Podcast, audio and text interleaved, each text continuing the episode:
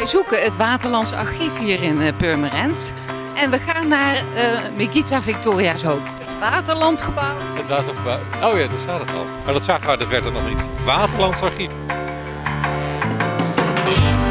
De nieuwe podcastserie van het netwerk Digitaal Erfgoed duikt in de wonderenwereld van digitalisering van ons erfgoed. Netwerkredacteur Ronald Tenijs en ik, Kirsten Paulus, reizen door heel Nederland op zoek naar mensen uit het netwerk. Precies, erfgoedprofessionals. En dan vooral diegenen met inspirerende verhalen over digitaal erfgoed. In twaalf afleveringen hoor je hun successen, hun missers, maar ook hun dromen. Uh, Migitza is uh, adviseur digitale informatievoorziening. Lijkt me ook ingewikkeld als je dat uit moet leggen op een feestje. Ja, dat is, is misschien niet makkelijk. Uh. Maar ze is echt wel ook een, een, een technische dame. Zij, um, zij is de, de linking pin tussen zeg maar, de techniek en de mensen die de archieven gebruiken.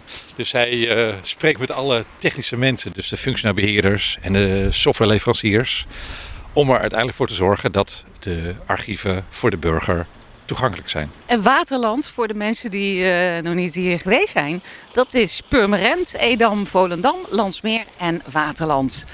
Ja, het is een waanzinnig groot gebouw dit. Uh, ja, nee, het is inderdaad groot. Ja. Heeft een uh, regiofunctie geloof ik ook, hè? ja, nee, precies. Nou, wat jij net al noemde, hè? Het, het beslaat verschillende gemeentes. Het geheugen van regio Waterland. Zaten zelfs, ja, precies. Uh, ik ga even kijken waar Mikisa zit, op welk uh, nummer. Mikisa, ik heb uh, bezoek voor jou, Roland en Kirsten van het erfgoed.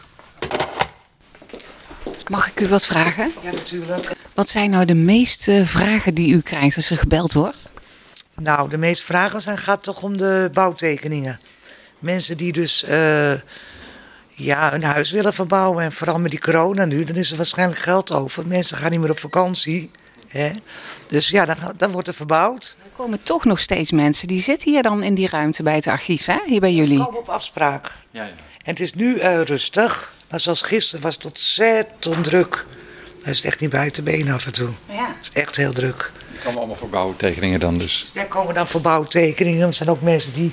Deze mensen die... Uh, komen voor uh, onderzoek. We hebben daar bijvoorbeeld Jacques Otze, dat is de stadshistoricus van Purmerend. Die heeft al verschillende boeken geschreven. Ja? Dus nou is hij nu is hij weer met een boek bezig. over de Purmerend.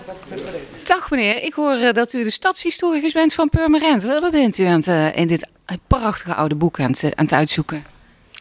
Ik ben bezig met het maken van een portret van de eerste dijkgraaf van de Wormer. En hoe oud is het boek wat u nu voor u heeft? Eeuw. 17e eeuw. Ja, de rekeningenboeken van de burgemeesters. Dat is bijna niet te lezen. Nee, dat is, uh, daar zijn cursussen voor om dat uh, te kunnen lezen. Maar u beheerst dat? Ik uh, kan het redelijk lezen, ja.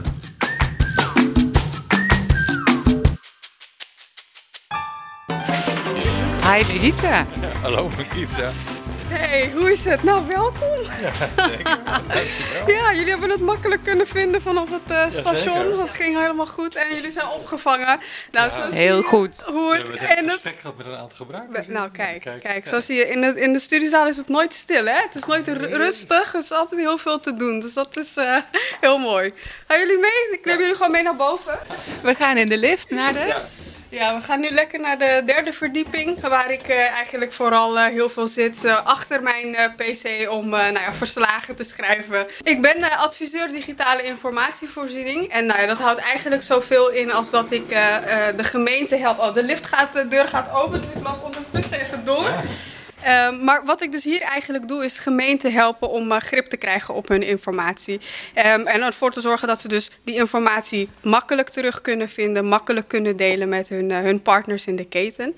En vervolgens in het verlengde daarvan ligt natuurlijk dat ik die data en die informatie uiteindelijk beschikbaar kan stellen voor het publiek dat hier naartoe komt. Denk bijvoorbeeld aan makelaars die uh, tekeningen op moeten vragen, of onderzoekers die stukken uit de, wat is het, de 15e eeuw terug willen zien. Nou, daar doen we het eigenlijk allemaal voor. En ik zorg ervoor dat ze daar makkelijk bij kunnen. Want je hebt eigenlijk verschillende doelgroepen die jij bedient. Uh, het zijn de, uh, de mensen die bij de gemeentes werken, maar ook de burgers. Ja.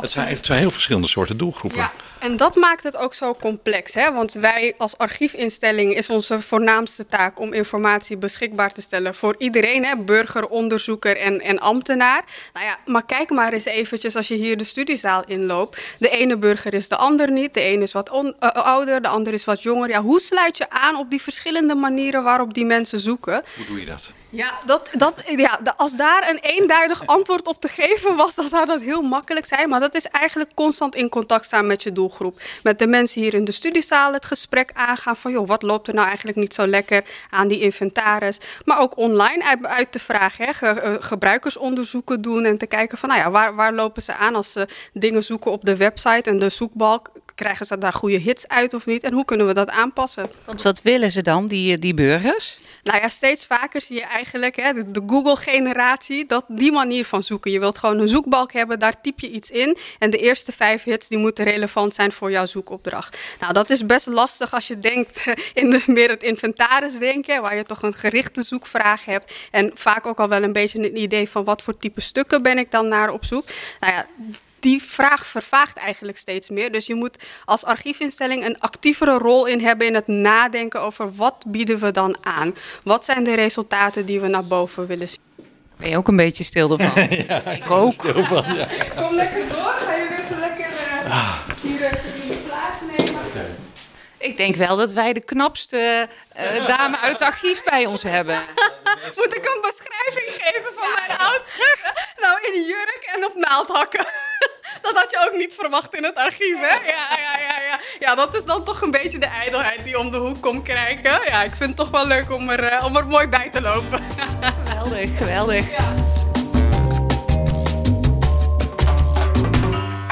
Jullie zijn natuurlijk al de hele tijd bezig om dingen te verbeteren. Kun je één tipje van de sluier lichten? Wat hebben jullie dan bijvoorbeeld verbeterd aan de achterkant? Uh, waar bijvoorbeeld ook andere ja. archieven hun voordeel mee kunnen doen. Ja, nou een project dat wij eigenlijk nou ja, het afgelopen anderhalf jaar op hebben gepakt is om door middel van linked open data technologieën te proberen om die doorzoekbaarheid van die bronnen beter uh, te maken. Dus in gewone mensentaal? Ja, nou linked open data dat is eigenlijk die, de, de, de, een technologie die ervoor zorgt dat als jij uh, uh, bronnen beschikbaar stelt, dat je die gewoon makkelijk kan linken aan bronnen van andere archiefinstellingen of van musea of van andere erfgoedinstellingen. Voor Nou, uh, bijvoorbeeld wij hebben uh, visserijkaarten in ons archief staan. Nou, we hebben het Zuiderzeemuseum dat ook uh, een deel van ons werkgebied bestrijkt. Dan is het heel mooi als jij visserijkaarten hier kan vinden, die vervolgens kan linken aan klederdrachtstukken die bij hen op, of bij het Zuiderzeemuseum dus in de collectie staan. En dat je dat als bezoeker eigenlijk heel makkelijk kan vinden, zonder dat je per se doorhebt dat je door allerlei archieven heen aan het wandelen bent.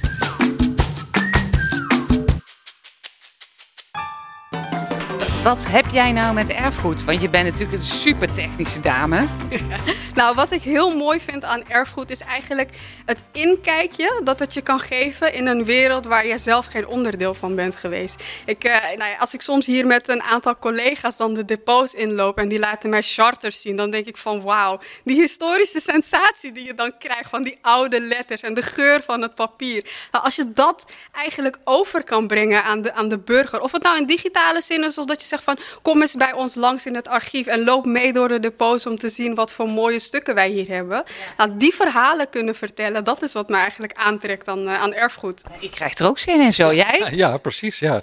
En het mooie is, die doos, hè? Die doos. Ik zie die ook al.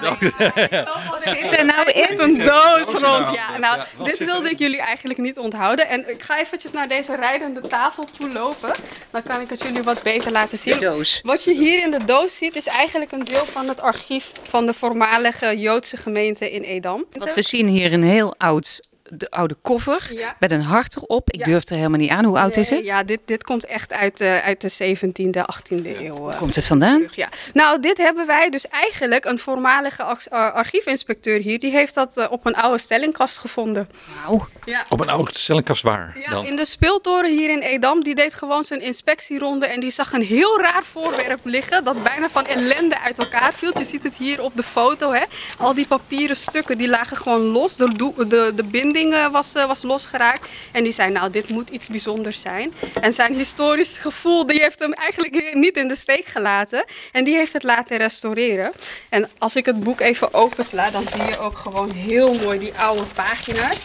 En je kan dan ook nog het, uh, het schrift zien. Kijk, hier, uh, je ziet eigenlijk een combinatie van uh, een Hebreeuws schrift en een Nederlands schrift. Het Hebreeuws is in, in Ashkenazisch en Hebreeuws geschreven. En nou ja, dit Nederlands, dat is gewoon 18e eeuws Nederlands. En hier zie je dus eigenlijk verslagleggingen van wat er gebeurde in zo'n gemeenschap. Nou, die gemeenschap, daar is nu helemaal niets meer van over. Maar deze bron is eigenlijk ons inkijkje in die gemeenschap van toen.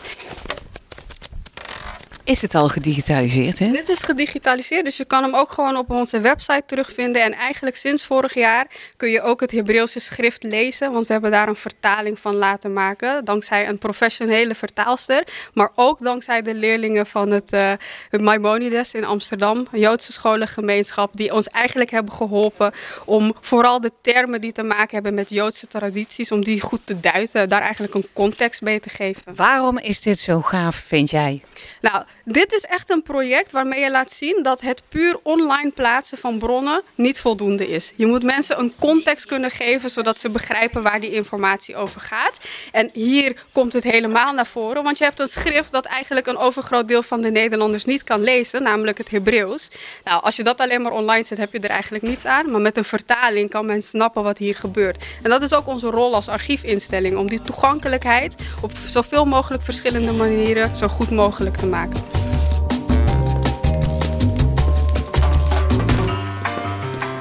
We lopen nu naar de bibliotheek. Die zit uh, vlak naast ons.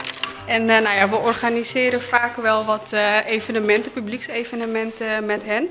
En het is natuurlijk mooi dat je eigenlijk van het oude materiaal naar het huidige materiaal loopt hier in de, in de bibliotheek. Wat, wat is nou echt het succes wat jij hier hebt? Want we staan nou in deze prachtige grote bibliotheek. Wat is het succes wat jij bij het archief uh, heb bewerkstelligd? Ja, nou, een, een heel groot succes vind ik eigenlijk dat wij onze fotobank, uh, onze beeldbank, uh, als linked open data bestand online hebben kunnen zetten. En dat heeft er eigenlijk voor gezorgd dat vooral programmeurs en nou ja, erfgoedfanaten die in de techniek zitten, dat die dat makkelijker kunnen hergebruiken. Dus inlezen in hun systemen en vervolgens op hun website bijvoorbeeld beschikbaar stellen. Dat is wel echt heel mooi dat dat nu kan drie jaar geleden kwam hier werken. Zo'n jonge, eh, mooie meid, die komt dan even vertellen wat, uh, hoe het beter moet hier. Duurzaam, dat moet allemaal digitaal. Wat zei ze, fijn, kom maar lekker binnen, Mikita. Tuurlijk, nee, nee, dat was echt meteen hakken in het zand. Maar gelukkig, hè, ik, ik, ik vind dat ook wel fijn, hè, die koppige ambtenaren die zeggen, ja, ik doe het al twintig jaar, zo heb ik helemaal geen zin in. En dan ga je daar gewoon een kopje koffie mee drinken. En dan zie je ze langzaam aan verbeteren. Omdat hoe doe je dat dan? Vasthoudend. Vasthoudend zijn, geloven in je boodschap en dat ook constant overbrengen. En een sausje charme, denk ik, Ronald. Precies, ik wil net zeggen, dat juist, ja. Die charme. Heel veel dus. ja, ja, ja, ja, ja. Mikietse, we hebben altijd een uh, estafettevraag. En we waren de vorige keer bij Hilbert Siemensma. Hij is registrator van de Jan Mensen van Diepe collectie in Slochteren. En hij stelde de volgende vraag. Beste Mikitsa, is er een terugkoppeling van het gebruik van de data die nu online staat. Meten jullie dat en zijn er nieuwe toepassingen daaruit voortgevloeid? Nou, eh, eh, we meten dat nog niet zo uh, zodanig. Um, en, nou, maar er zijn wel nieuwe toepassingen die daaruit voortkomen. We zijn nu bijvoorbeeld bezig met het Zuiderzeemuseum om te kijken hoe wij eigenlijk data door middel van interfaces, dus de voorkant van websites, beschikbaar kunnen stellen voor het onderwijs. Dus dat eigenlijk scholieren, middelbare scholieren, dat die makkelijk bij die data kunnen en die kunnen gebruiken voor hun verslagen, uh, werkstukken en dat soort zaken. De volgende keer zijn we in Friesland. Dan zijn we bij Siets Wiersma. Hij is coördinator van het Fries Filmarchief. Uh, Mikitsa, welke vraag wil jij aan hem stellen? Beste Siets, ik ben ontzettend benieuwd hoe jullie met dat prachtige filmmateriaal eigenlijk aansluiten op de nieuwe manieren waarop mensen zoeken tegenwoordig.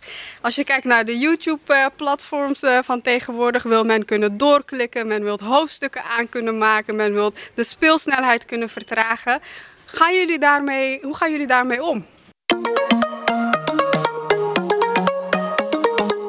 Waar droom jij nou nog van, Migietje? Ja, nou dat is een goede vraag. Ik, uh, nou, in de, je zei het al, drie jaar uh, ben ik hier nu werkzaam. En daar heb ik heel veel kennis op kunnen doen. En wat ik eigenlijk heel graag zou willen, is om die kennis weer te kunnen gebruiken voor de landen die eigenlijk nou ja, wat minder faciliteiten hebben dan wij. Uh, ik kom zelf uit Suriname en ik spreek daar wel eens de Nationaal Archivaris. En die vertelt dan over de informatievraagstukken waar ze mee zitten. En daar zou ik eigenlijk graag hulp willen bieden. En ik heb dat nu al wat meer concreet kunnen maken door uh, samen met hen en voor hen eigenlijk uh, webinars te organiseren waarin ik juist ook die informatievraagstukken waar zij mee zitten, dat ik uh, die ga behandelen. Wauw, weer linken. Weer linken inderdaad. dus dat is een beetje de rode draad van het werk. Echt hè? doe inderdaad. En nou, het is gewoon heel gaaf om te zien dat die mensen uh, ja, bijna een vorm van verademing ervaren, omdat er nu gewoon kennis beschikbaar komt voor hen toegespitst op de situatie waar zij mee te maken hebben. En dat is gewoon heel erg fijn dat je ziet hoe ze groeien in hun, uh, ja, in hun zelfvertrouwen. Dat ze ook die informatievraagstukken gewoon nu aan kunnen pakken. En uh, ervoor kunnen zorgen dat hun informatiehuishouding beter wordt. Door de voordeur erin en door de achterdeur erin. Dat is weer eens wat anders, hè? Ja. Mikitsa. Mikitsa, ja, nou, ik denk dat er een, een frisse wind waait door het Waterlands Archief ja. zou ik bijna zeggen. Ze zorgt daar wel een beetje voor een andere kijk op de zaken. De burger die staat voorop. Ja. En digitalisering nog, nog meer. Ja, en, en, nou ja, en met haar, uh, zeker met haar marketingachtergrond. En wetende hoe ze ja, ook wel dingen voor elkaar kan krijgen, profiteert ze ook wel van ja, die, die marketingkennis.